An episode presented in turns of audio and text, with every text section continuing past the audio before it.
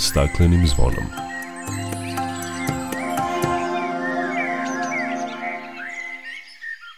Dobar dan i dobrodošli na Zeleni talas prvog programa radija Radio Televizije Vojvodine. Ja sam Dragana Ratković. Prošle sedmice u Institutu za radijacionu higijenu u Temišvaru ustanovljeno je u jednom delu dvorišta povišena radioaktivnost, ali nije saopšteno o kojem je nivou reč. Čućete šta se desilo, da li postoji opasnost od povišene radijacije kod nas i koje mere prevencije preduzimamo. Oko 50 gradova i opština ima postrojenje za prečišćavanje otpadnih voda, od kojih je oko polovina u funkciji. Vršac je jedan od malobrojnih gradova koji ima prečistač otpadnih voda, a nedavno je u probni rad puštena i linija za preradu otpadnog mulja. Čućete kako to funkcioniše. Toplo vreme za ovo doba godine navelo nas i da se osjećamo kao da je proleće stiglo. Govorit ćemo o tome da li je rano cvetanje biljaka posledica klimatskih promena i da li to može izazvati ekološku neusklađenost. A bit će reći i o golubovima i opasnostima koje ih vrebaju u njihovom letu. O tim i drugim temama više nakon pozdravne pesme.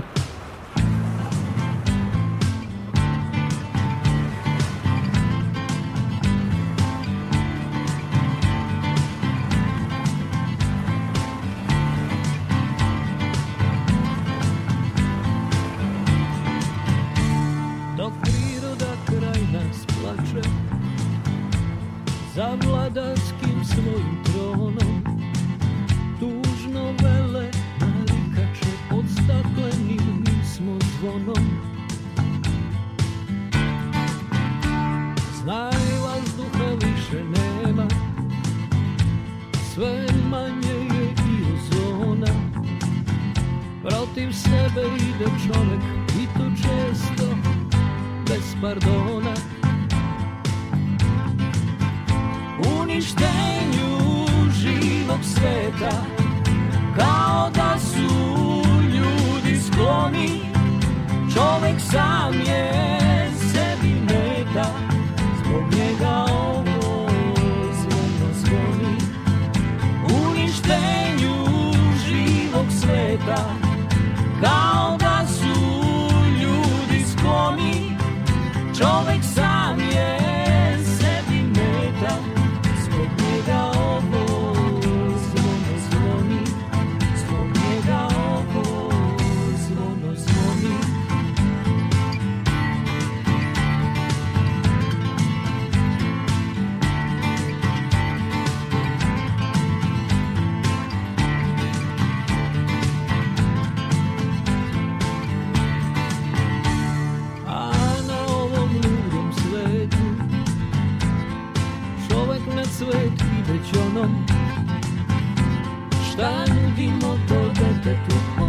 izgubljeni kad smo zvonom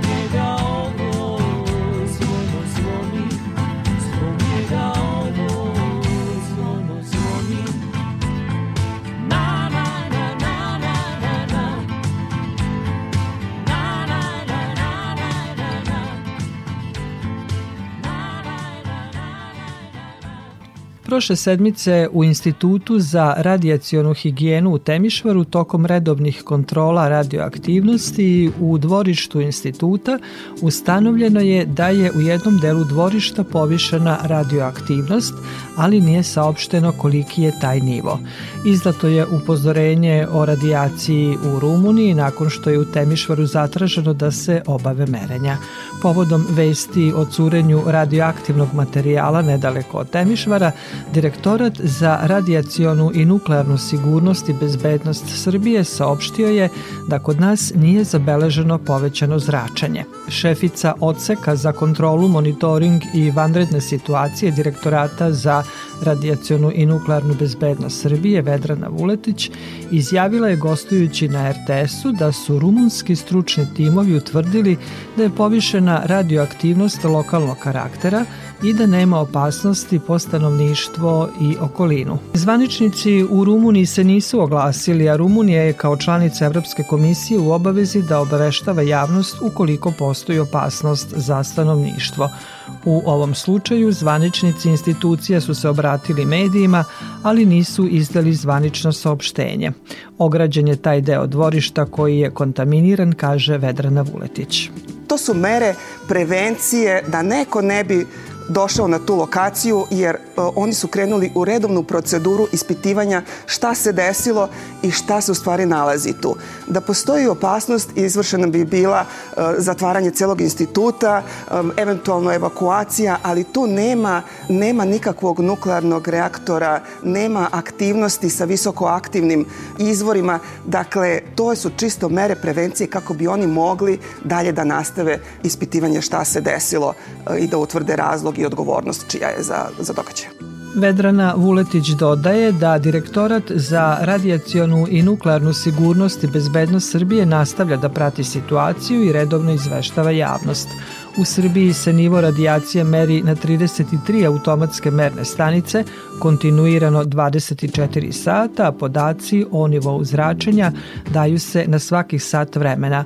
Oni se objavljuju na evropskoj platformi, a preko sajta direktorata može se pristupiti tim podacima. Ovim automatskim mernim stanicama pokrivena je cela teritorija Republike Srbije i to se lepo može videti na mapi da smo ravnomerno rasporedili te stanice imajući u vidu opasnosti. Dakle, mi u Srbiji nemamo nuklearni reaktor koji bi morao da bude bolje pokriven tim mernim stanicama, ali smo gledali malo bolje da budu pokrivene oblasti prema Mađarskoj i prema Bugarskoj gde imamo najbliže nuklearne elektrane Bakš i, i Kozloduj u Bugarskoj. Ranije, pre vremena društvenih mreža i ovako brzih elektronskih medija, mi smo se uglavnom oslanjali na podatke iz ovih automatskih mernih stanica. Danas, međutim, vidimo i na primjeru Temišvara da najbrže informacije u stvari dobijamo preko društvenih mreža i preko medija. Tako da je za nas koji se bavimo ovim poslom i to je dodatni izvor i prvi izvor informacija koji onda proveravamo dalje službenim tokovima i preko ovih automatskih mernih stanica pa i drugih merenja kojima potvrđujemo da li su informacije primljene društvenim mrežama i, i medijima tačne. Osim redovnog monitoringa nivoa radijacije, Direktorat za radijacionu i nuklearnu bezbednost Srbije kontroliše i uvozne proizvode proizvode, tako da se obraća pažnja na voće, povrće, vodu za piće, meso, mesne proizvode. U redovnoj komunikaciji sa kolegama direktorat ima potpisane sporazume sa nekoliko susednih zemalja, a mi smo kao i susedne zemlje potpisnice međunarodnih konvencija, što nas obavezuje da u slučaju vanrednih situacija koje mogu imati uticaje na druge zemlje, obaveštavamo jedni druge, kaže Vedrana Vuletić.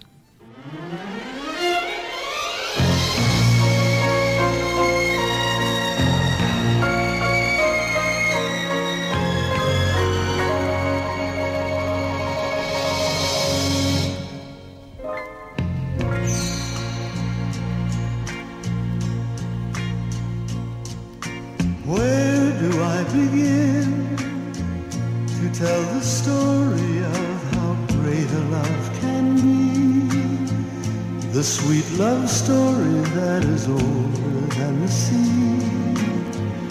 The simple truth about the love she brings to me.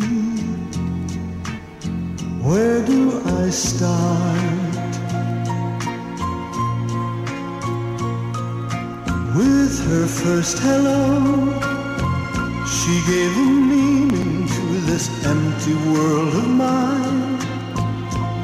There'd never be another love, another time. She came into my life and made the living fine. She fills my heart. She fills my heart with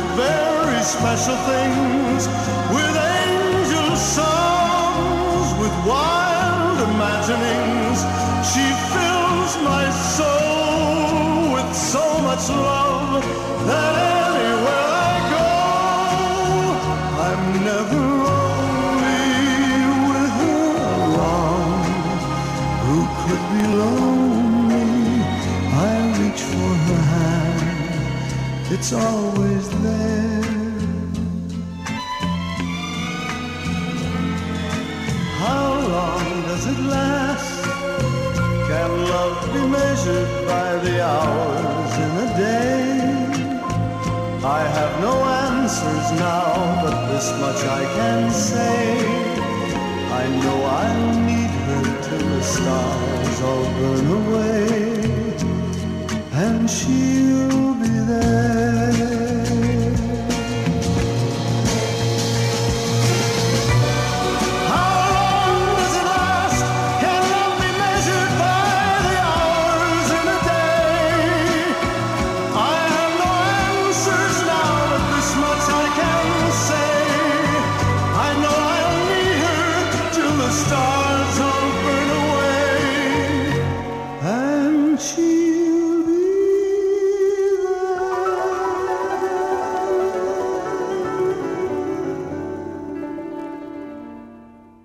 Slušate emisiju pod staklenim zvonom. Stanovništvo Vojvodine snabdeva se vodom za piće putem javnih vodovoda u oko 86% naselja.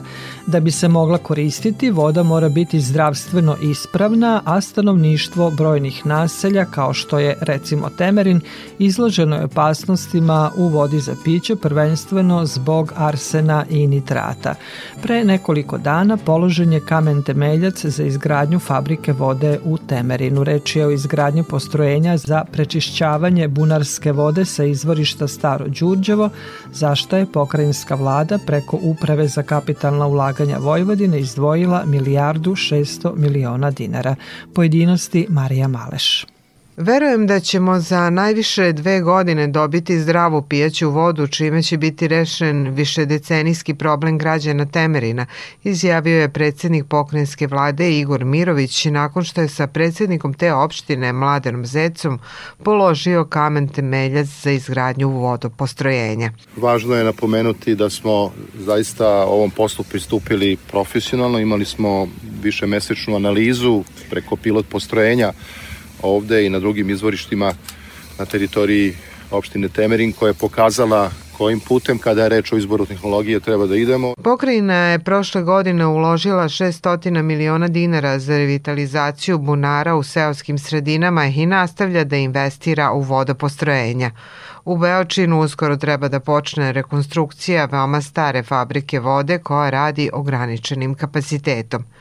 Upitan za rešavanje problema sa fabrikom vode u Zrenjaninu, Mirović je kazao da se pokrenjska vlada nije bavila pitanjem izgradnje tog postrojenja, niti je uključena u otklanjanje problema koji su nastali. Pre nas mišljenje najstručnijih ljudi koje imamo i u zemlji i u inostranstvu, onih ljudi koje sam upoznao tokom ipak 35 godina radnog staža, e, iznose svoje mišljenja tehnologija koja je tada izabrana nije adekvatna za rešavanje pitanja vodosnabdevanja. Zašto se krenulo tim putem?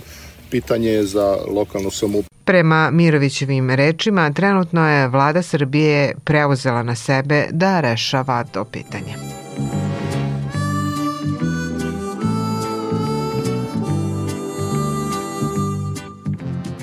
A životni vek subotičkog vodozahvata biće produžen za najmanje 10 godina. U toku je zamena elemenata filtera sirove vode, što je neophodan preduslov da bi ona bila za piće. Investicija je vredna gotovo milion evra. O tome Boris Šuman. Na vodozahvatu 1 Subotičkog javnog komunalnog preduzeća Vodovod i kanalizacija, starom gotovo 3,5 decenije, u toku je zamena elemenata filtera kroz koje prolazi sirova voda, takozvanih ispuna. U tim filterima nivoji određenih elemenata, pre svega arsena, spuštaju se na zakonske nivoje, nakon čega hlorisanjem postaje pijaća voda. Poslednja zamena ovih elemenata rađena je pre gotovo dve decenije. O tom poslu govori direktor preduzeća Đerđ Šugar. Oni uklanjanju arsen, amonijak i gvožđe. To su ta tri parametra koje su nam u sirovoj vodi, u bunarskoj vodi e, veće od dozvoljene koncentracije i sa ovim ispunama mi dovodimo kvalitet vode za piće na taj nivo koji odgovara pravilniku i naravno zdraviju svakom potrošaču. Investicija je vredna oko 113 miliona dinara, od čega je stotinu obezbeđeno iz gradskog, a ostatak iz budžeta preduzeća. O tome govori članica gradskog veća zadužena za komunalna pitanja Čila Goli. I ako bi sad uradili neki benchmarking da uporedimo e, slične sisteme u susednim e, okolnim opštinama i gradovima, mislim da možemo reći da e, možemo biti zadovoljni i dužni smo da se zahvalimo svim zaposlenima u javnom komunalnom preduzeću vodovod i kanalizacija. Dalje investicije u vodovodnu i kanalizacionu mrežu zavisit će od rebalansa budžeta, a umeđu vremenu će se raditi na izradi projektno-tehničke dokumentacije za dalje proširenje mreže.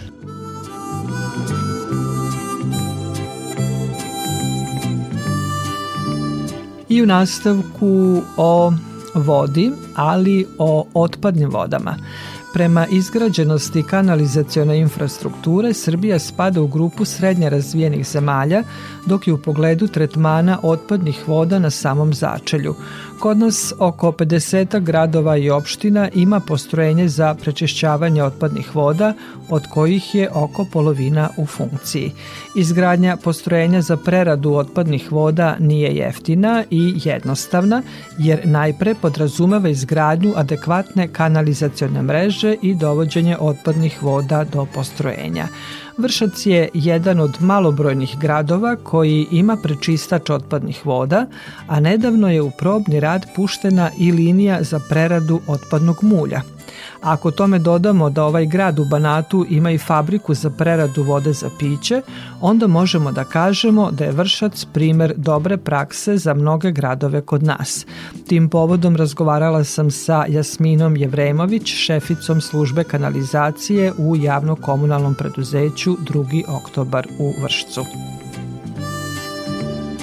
Jasmina Vršac je primer dobre prakse jer ima zaokružen sistem upravljanja vodama, ali to nije preko noći, to je zahtevalo i vreme i rad. Rad na izgradnji prečistača otpadnih voda počeo je pre 40 godina. Jes, rad na izgradnji prečistača je počeo praktično paralelno sa izgradnjom i kanalizacije, a manje više i sa izgradnjom vodovodne mreže, znači sve se to radilo uporedo 70. godina i prema tadašnjoj projektnoj dokumentaciji Vršac je i dobio postrojenje gradsko za prečišćavanje komunalnih otpadnih voda koje je pušteno u rad 84. godine. Bez obzira što je bilo isprojektovan kompletan proces prerade ove vrste voda, izgrađeno je bilo do sekundarnog nivoa. Znači imali smo primarni mehanički deo prečišćavanja, sekundarni biološki i ono što zapravo nije bilo urađeno do praktično 2022. ili kraj 21. je taj tercijalni nivo prečišćavanja, uklanjanje nutrijenata, znači azota i fosfora i onda kada se to završilo, šlo se u realizaciju tog projekta rešavanja viška aktivnog mulja, jer ovaj proces prečišćavanja podrazumeva zapravo prečišćavanje otpadne vode tehnologijom pomoću aktivnog mulja. Najveći deo tog nastalog mulja se vraća u proces a jedan deo se kao višak do sada evo odlagao u takozvane naše lagune za mulj. Mulj je svakako analiziran i klasifikovan je kao neopasan otpad, ali to nije moglo da ostane kao trajno rešenje naravno i mi smo ušli u realizaciju, da kažem, rešavanja tog problema i sada smo završili to pre mesec dana bukvalno ta linija za preradu mulja puštena u rad.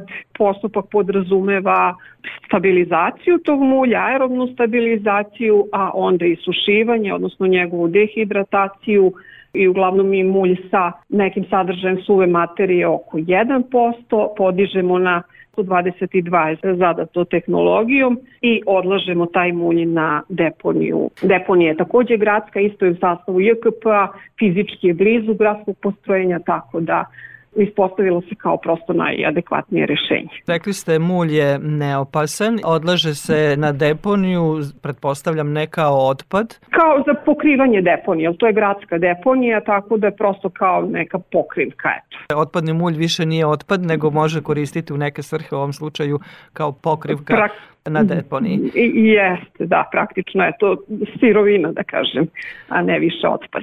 Pričali smo o prečistaču otpadnih voda. Kakav je kvalitet vode koji izlazi nakon prečišćavanja i gde se ta voda ispušta? Recipijent je ovde prvo malo Ritski kanal, a onda sistemom kanala krajnji recipijent je kanal Dunav-Tisa-Dunav. Hemijske i fizičke i biološke analize radimo naravno i mi interno ovde, ali pre svega radi Zavod za javno zdravlje iz Pančeva i možemo da kažemo na osnovu analiza za ove dve godine mi ispuštamo vodu u kanal koji u potpunosti u skladu sa zahtevanim propisima. Kada su u pitanju fizičko-hemijski i naravno najveći delom biološki parametri, ali ono što nedostaje ovde i što nas čeka u nekom narednom periodu je da rešimo taj problem bakteriološkog zagađenja. Tu zapravo eto, ta izlazna voda predviđena je dezinfekcija još njena i onda možemo da kažemo da ćemo imati potpuno zaokružen taj proces prečišćavanja. To je sledeći posao. Jeste, sledeća investicija, sledeći korak, to bi onda valjda bilo to. Pomenuli smo da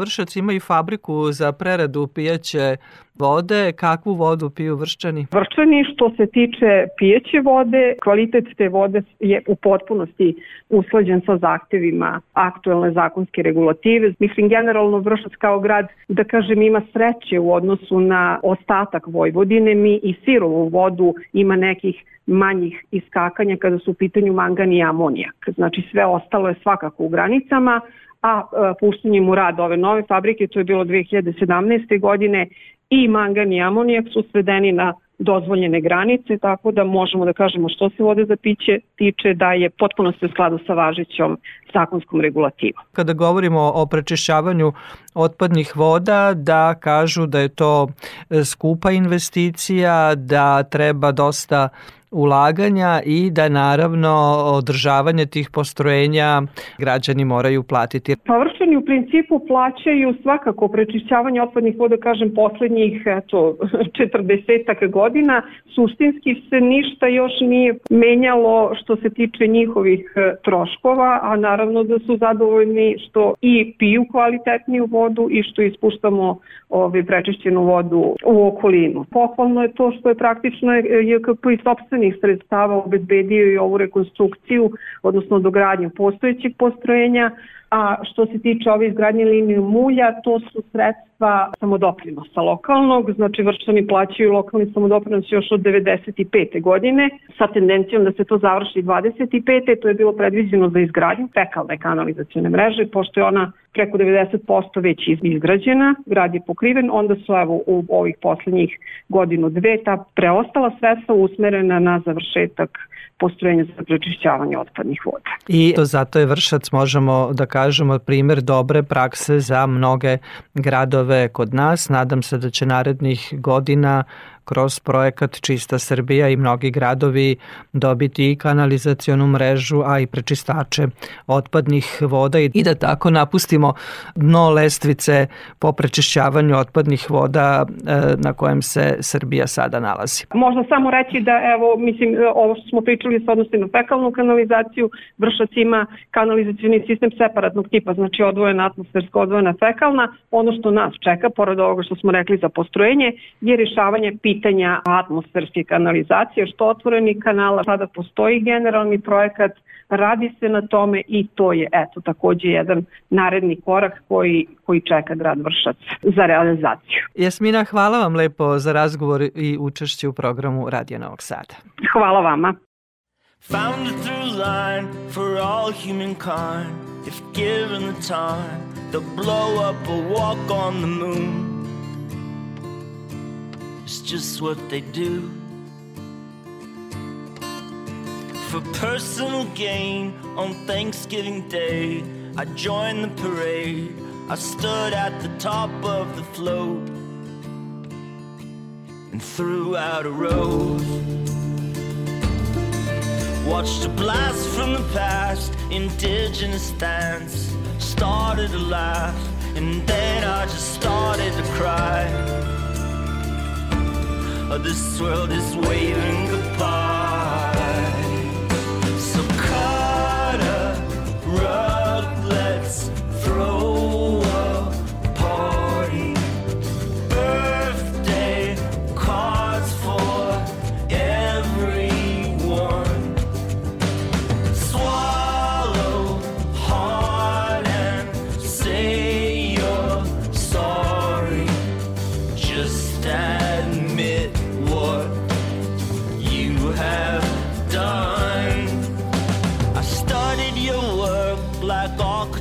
picture, cathedral of words, the meaning's not easy to tell. Comes back round on itself. Ears, your biographer, the odometer. There's no way to turn back the clock. It's gonna run till it stops. So decided to play, turned up all the way. Electric, ecstatic, psychotic, jumped into the drums. Was pandemonium.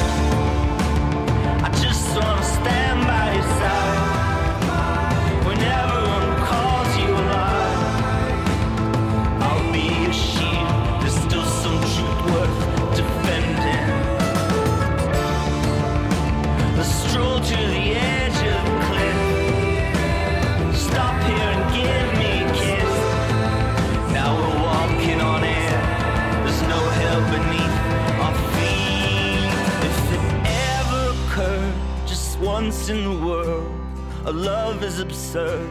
As ours, I would scream what we lost. From the mountaintop.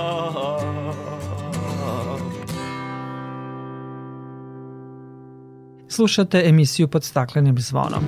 Da je proleće blizu pokazali su nam i prvi vesnici proleća, a to su rode. Kao što smo objavili u prošloj emisiji, prve rode stigle su u Taraš, evropsko selo roda, a o tome kako su meštani reagovali i kakav je njihov odnos prema tim pticama, Jelena Milićević. Dobrivoje Krstin ima 90 godina i kako kaže, čitav život pamti kako rode dolaze u Taraš. Uglavnom im se obraduju najmlađi, ali i on voli da sedne na klupu ispred svoje kuće i posmatra gnezdo prvoja. 80 godina, to pamtim, znam da su dolazile uvek. Samo onda nisu na bandijere stajale, već na slamu. Kod svakog bilo slame i na slamu stanu i nama su gnjizu i ročiće odrano. I samo su više ročiće odranjivali ono ranije. Sad je na manje odrano. Iz razloga što uvek stiže prvi mužjak rode, dobio je ime Prvoje. A rodama u čast najmlađi organizuju druženje gde recituju pesmice o rodama i gde budu održane i edukativne radionice, kaže Aleksandra Cucić-Marovac iz udruženja Taraške rode. Srećni smo, da kažemo, svi u Tarašu koji volimo rode, što smo svedoci ovog jednog fenomena. Eto, 12 godina za redom da dođe prvi, to je stvarno neopisiv osjećaja. Mi koji, eto, to neko tu priču pratimo, kažu meštani mnogo duže da on dolaze prvi, nego mi udruženje kako pratimo, to je 12 godina za redom i stvarno je to jedan fenomen. Po rečima meštana Taraša, svaka roda i svaki par je po nečemu specifičan, a prilikom jednog popisa dobili su i svoja imena. Imena su davana e, prilikom jednog popisa roda i to imena su davala deca. I ovaj, mi imamo pored tabele gde je napisana ulice, broj i gnezdo, tu pored piše ime. Ali najpoznatije su da prvo ima Ara, evo tu je komšija Nemanja, na primjer on isto poznat posle prvo je, obično dolazi posle njega odma i tako imamo, na primjer, Olja i Ivica su prošle godine bili isto poznati pošto su imali pet mladunaca, na primjer, najviše prošle godine. Prošle godine u Taraš se vratilo 33 stara para roda, a dobili su i četiri nova para, te i ove godine očekuju da gnezda budu popunjena.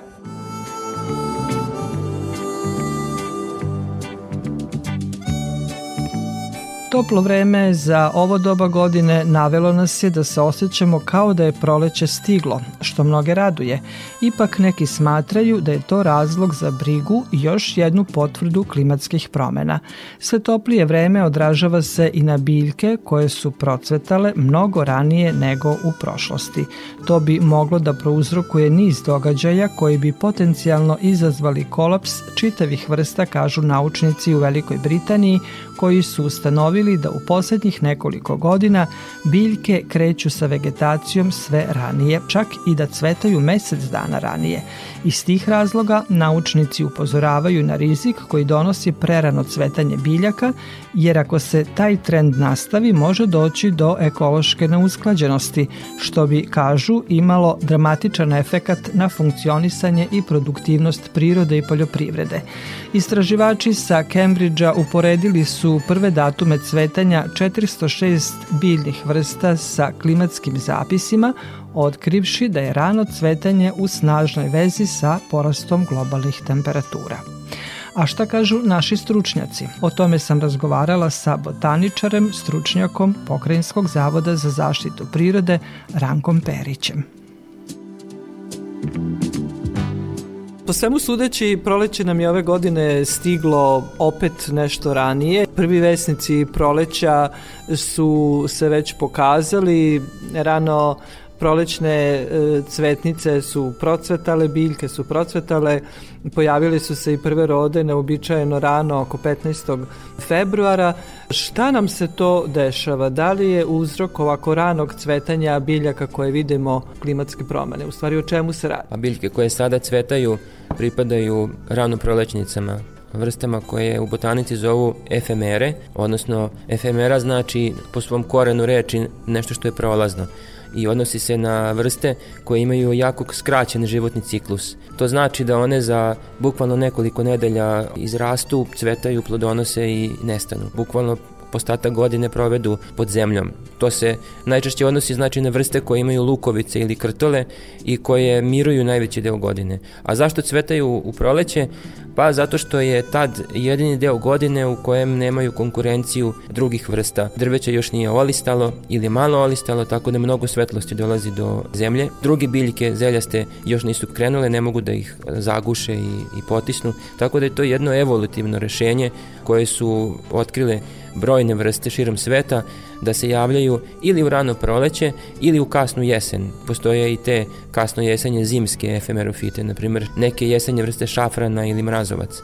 Tako da definitivno je reč o efemerofitama koje cvetaju u rano proleće, a okidač za njihovo cvetanje je dužina dana. Biljke nemaju čula ili senzore kao što mi imamo oči, ali one celim svojim telom primaju svetlost. Svaka ćelija ima hloroplaste pomoću kojih vrši fotosintezu. Tako da biljka je jako osjetljiva na svetlost i na trajanje svetlosti. I u botanici se opet može reći da se posmatraju takozvane biljke kratkog dana, dugog dana i biljke koje su ravnodušne na dužinu dana. Znači, kod biljaka uh, kratkog dana potrebno je da svetlost traje određeni broj sati, to opet zavisi od dužine dana, znamo da je zimi dan kraći nego leti i takve biljke reaguju na dužinu dana tako što se u njihovom metabolizmu dešavaju određene promene nakon što dan traje određeni broj sati počinju da rade hormoni kod njih i da se razvijaju cvetni delovi da biljka cveta i plodonosi.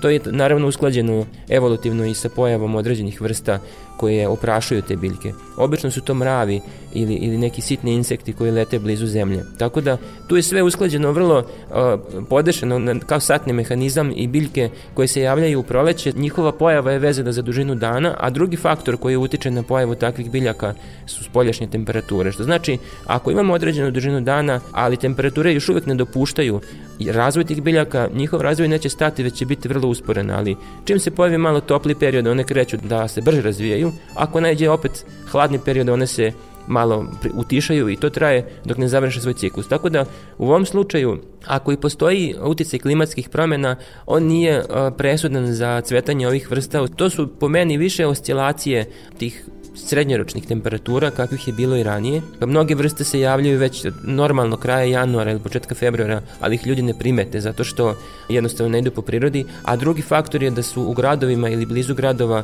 mikroklima mnogo drugačija, toplija u odnosu na, na staništa u prirodi i da zbog toga mnoge vrste čak ranije kreću da cvetaju u gradovima nego u prirodi. Postoje globalno posmatrano pomeranja temperature u pravcu toplih srednjih godišnjih temperatura, ali to je jako dugoročan proces koji, iako govorimo o brzim klimatskim promenama izazvanim čovekom, one iako su brze, traju 100 ili 150 godina. Tako da znamo da je pre 25 ili više godina da su leta bila ipak malo umerenija, ali i da su zime bile zime. Međutim, mi možemo govoriti da je klima malo ublažena, ali da li je to zbog toga što je došlo do masovnih klimatskih promena ili su to neke prirodne oscilacije na nekom nivou od decenija ili, ili čak veka, mi to ne možemo sa sigurnošću da tvrdimo. Proleće počinje 21. marta kalendarski e, to je nešto malo pomereno. Mi sad u februaru imamo zaista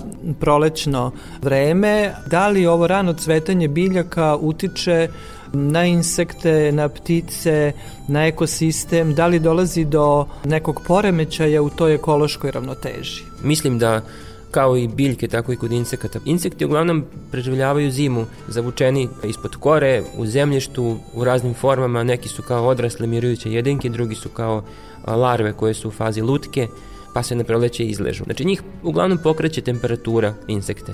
Oni nisu osjetljivi na svetlost toliko kao biljke, međutim ono što može da se desi je da ako se jave ranije temperature, da insekti koji inače imaju hranu na drugim mestima vezano za druge biljke koje kasnije malo cvetaju pa ih malo istera temperatura, takvi insekti uglavnom ako nisu jako specijalizovani će se snaći.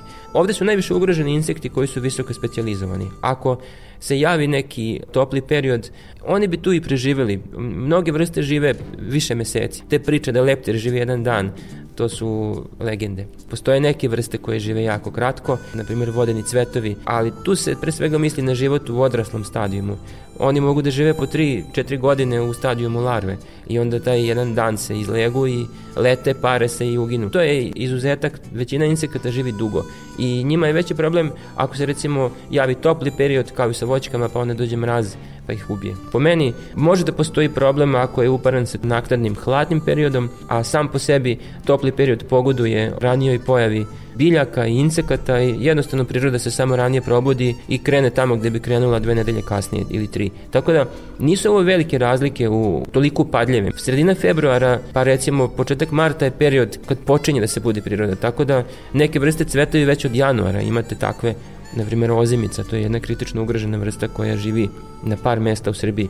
A zove se ozimica pošto kreće već ispod snega da cveta. Mnoge vrste šafrana i tako dalje. Postoje ciklusi i ritmovi koji se pokrenu u zavi, pre svega dužinom dana, a zatim i pojavom blagih temperatura. Tako da je to sve neka po meni još uvijek prirodna varijacija temperatura. Da li je to dugoročna promena klime, ne znam. Svi su već na nivou nekog konsenzusa u svetu da su to klimatske promene koje su izazvane od strane čoveka. I sad tu postoje dva pravca, jedni kažu da nije čovek, već da je to deo prirodnih ciklusa, sunca i zemlje i tako dalje, klimatskih promena, kakvi, se, kakvi su se dešavali već ranije u istoriji zemlje. Drugi smatruju da je čovek tu mnogo doprineo sa efektom staklene bašte, Tako da čovek verovatno doprinosi tome, ali ja mislim da je to suštinski deo prirodnih ciklusa. Tako da ja nisam klimatolog i nisam fizičar, geofizičar, tako da bih mogao da vam kažem detaljno, ali sa stanovišta botanike definitivno se primećuje ranije cvetanje, ali to nije tako pravilan obrazac, znači cveta znači, kasnije. Znači treba mnogo više vremena da bi se moglo utvrditi da, da li je... Da, treba i duža posmatranja. Ovako laički ljudi primete kad dođe ranije zima, već neku godinu se dešava, na primjer, da su jeseni tople, novembar bude lep, čak i decembar i onda negde... Lišće do decembra na, na drveću. Da, i onda negde u februaru, ovaj, krajem februara, početkom marta krene mraz, zakuje sneg, tako da dešava se definitivno neka promjena u smislu da su jeseni suvlje i toplije, a proleća vlažnija i hladnija. Da, proleća više nisu, već 4-5 godina nazad su proleća vlažna, tako da imate da je u aprilu, maju čak i hladno. To je sad sve stvar nekog laičkog svakodnevnog doživljavanja klime, a šta je zaista, šta se dešava, to se može vidjeti tek kad se statistički analiziraju brojni podaci sa brojnih klimatskih stanica širom planete. Ja ne bih tvrdio da su klimatske promene tako očigledne, još manje da utiču na, na floru i vegetaciju.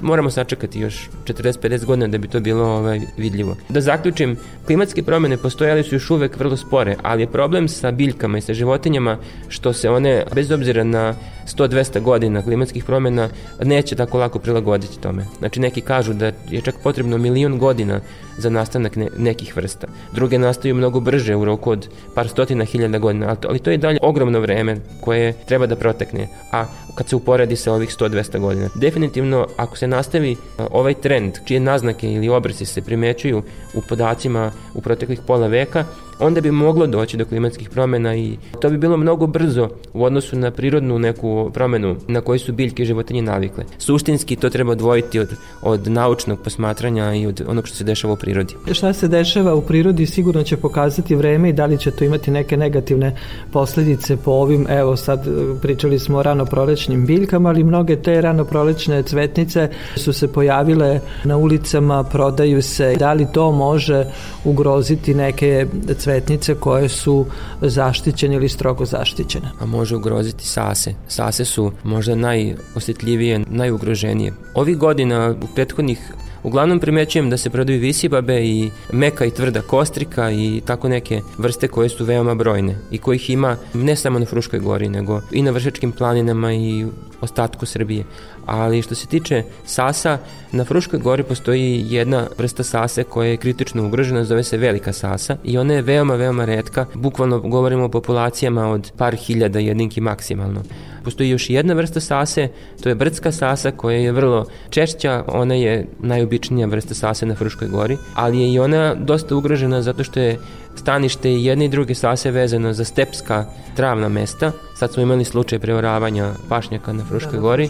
Znači vi kada uništite pašnjak stepskog tipa, vi uništavate nešto što je nastajalo hiljadama godina, od ledenog doba.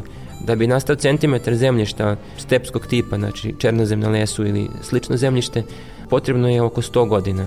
I tu govorimo o dugom procesu međuodnosa između biljaka i životinja i klime i pitanje je kako će se te klimatske promene odraziti na formiranje nekih tipova zemljišta i na sastav mikroflore u zemljištu, pošto mnoge vrste biljaka zavise od gljivica i od bakterija koji žive u zemljištu. Tako da ako malo promenite neki parametar e, kiselost ili temperaturu ili vlažnost dolazi do značajnih promena u sastavu mikroflore. Tako da čovek sam, pre svega neodgovorni pojedinci, može da ugrozi sase, može da ih uništi potpuno i evo ja apelujem da se one bukvalno ne se kupljaju, ljudi ih prodaju na pijacama pod imenom velika ljubičica. Znači nemojte ih kupovati, time potpomažete uništavanje sasa. Postoje naravno i sase koje su gajene, baštenske, ali kod, kod nas relativno su slabo poznati. Ja nisam primetio da ih mnogo ljudi gaji. Tako da većina tih uličnih prodavaca prodaje razne vrste biljaka, pa i sase i moj apel je da ne kupujete sase, ali ako hoćete da podržite neke bakice koje žele da, da dopune penziju, kupujte drugo cveće. Znači, tipa ljubičice, čak možete i visibabe kojih ima svuda, znači one se nalaze na listi zaštićenih ali mi sad ne možemo znati da li su te visibabe baš sa Fruške gore, dok za Sase smo gotovo sigurni, pošto Sasa u Vojvodini Takvih ima samo na Fruškoj gori i nešto malo, jako malo na Delibletskoj peščari. Tu treba vrlo paziti kod takvih stvari. Ovo je prilika da, mm. da kažemo i da im uputimo apel, lepo je što uživamo u cvetanju biljaka mm. pa ih i kupujemo, ali da obratimo pažnju kada to radimo. Ranko, hvala vam lepo za razgovor i učešću u programu Radio Novog Sada. Hvala vama.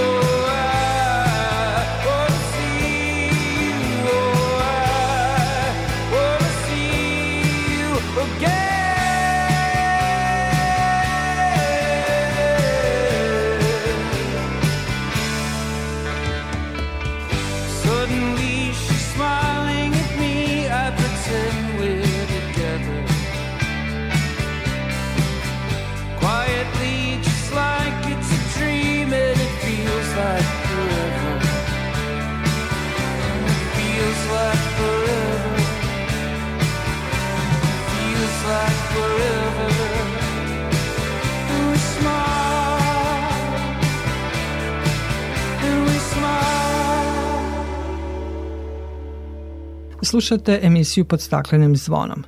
Kolumba livije je divlji golub pećinar od koga su vekovima nastajale i druge podvrste pa i domaći golub da bi se kasnije ljudskom selekcijom stvarale mnoge rase golubova od kojih je svaka imala svoju vrednost. Beli golub sa maslirovom grančicom u kljunu znak je mira. U davnim vremenima golub je bio sredstvo komunikacije na daljinu. O golubovima kao i opasnostima koje ih vrebaju u njihovom letu više Vlado Matijević.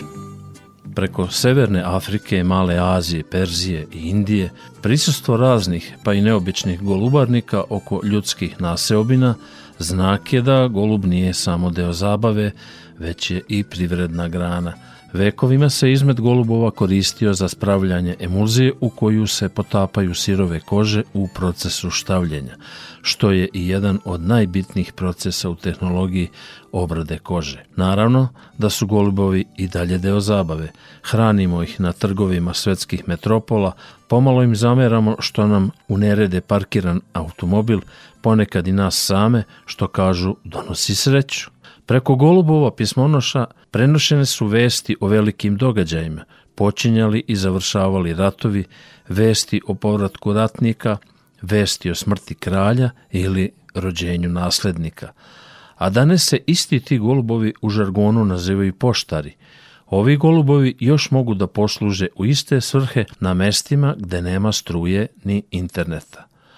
O odgajanju i trkama golubova pismonoša verujemo najrasprostranjenije sportske rase golubova na svetu, razgovarali smo sa jednim od naših odgajivača, Sašom Fratucanom iz Novog Sada. Pismonoše su zastupljene u celom svetu. Znači to nema nema ovaj dela sveta gde se Amerika, Australija, Evropa, Azija svuda su zastupljeni u velikom broju. To su vitalni, zdravi golubovi, e, kod odgoja nemamo velikih problema posle izleganja e, iz jajeta roditelji su veoma brižni i dobri roditelji. Spremite dobru hranu i malo dobre volje i mladi ispadaju kao saliveni. Oni već sa, sa mesec dana su e, na polju gde prvi put ugledaju okolinu, to je dom koji vole i na koji se vraćaju. Sa svih tih distanci tu nemamo problema kod odgoja. Mi prisustujemo u pakovanju golubova u, u transportna vozila koja ih odnose na određene distance i puštaju. Imamo, e, sad su već moderni digitalni satovi koji štopuju vreme kad se golub vraća,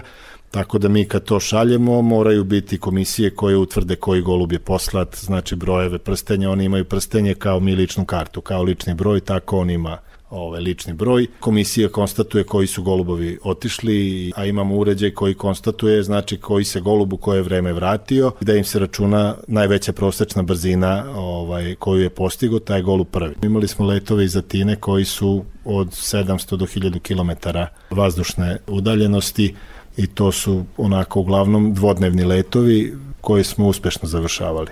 Na ovom dugom letu poštari nailaze na mnoge opasnosti. Najveća opasnost su vremenske nepogode, udarac u dalekovod ili neki drugi predmet u niskom preletu kada može doći do povrede ptice – Međutim, jedno od opasnosti u dugom letu mogu predstavljati i napadi grabljivica, pogotovo kada su mlade ptice u pitanju. Na to su savesni golubari spremni i smatraju ga delom rizika bavljanja ovim lepim sportom. Veću opasnost od grabljivica imaju druge vrste golubova, na primjer visokoletači, koji se u svom letu penju i na visine kojima krstare grabljivice. Što se tiče grabljivica, tu se malo dešava dok su mladi, neiskusni, vole da polete i da odu malo višlje, gde bude poneki gubitak od grabljivice, ali to im je iskustvo za buduće letove, da budu sposobni da se snađu, da eskiviraju, pošto postižu velike brzine, poštari nisu toliko ugroženi od, od, od grabljivica, jer su e, podjednake brzine kao i grabljivice. Malo je soka u obrušavanju u većim brzinama, ne znam kako sa visokoletačima, oni imaju više problema. Opasnost koja vreba u vazduhu obično dolazi od sivog sokola, nešto krupnijeg stepskog sokola, nažalost veoma ugroženih vrsta, kao i od jastreba i kopca. Male grabljivice, poput vetruške, mogu samo da pokušaju, ali ne i da učine neku štetu ili nanesu povredu golubovima.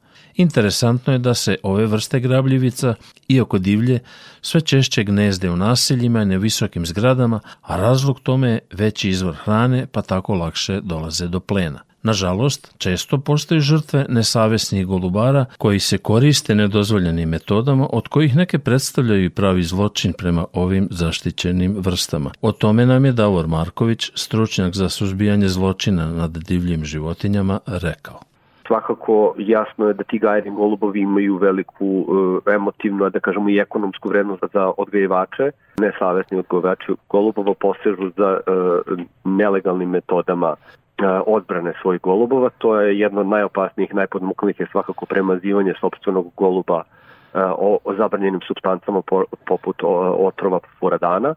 Takođe, javljaju se odgajivači koji postavljaju trokrake udice na svoje, na svoje golubove, pa na taj način ubijaju sokolove. Ono što mogu da kažem jeste da se zbog ove prakse, koja svakako predstavlja krivično delo, i za koje je zaprećena kako novčana, tako i zatvorska kazna, e, je populacija sivog sokola prepolovljena. Sale Fratucan nam je rekao da uopšte ne razume ovakve postupke pojedinaca, jer je on, kao i njegove kolege golubari, neko ko shvata šta je to prirodni lanac ishrane i da je to normalan proces u prirodi.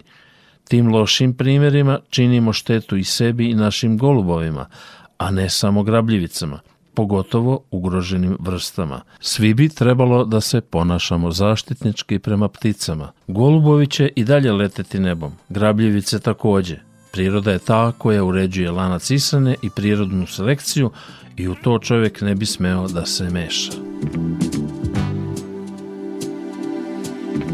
Toliko u ovom izdanju emisije pod staklenim zvonom koju možete slušati i odloženo na podcastu Radio Televizije Vojvodine na adresi rtv.rs. Na pažnji vam zahvaljuju Sabina Nedić, Maja Tomas i Dragana Ratković. Naredni susret zakazujemo za sedam dana u isto vreme na zelenom talosu prvog programa radija Radio Televizije Vojvodine.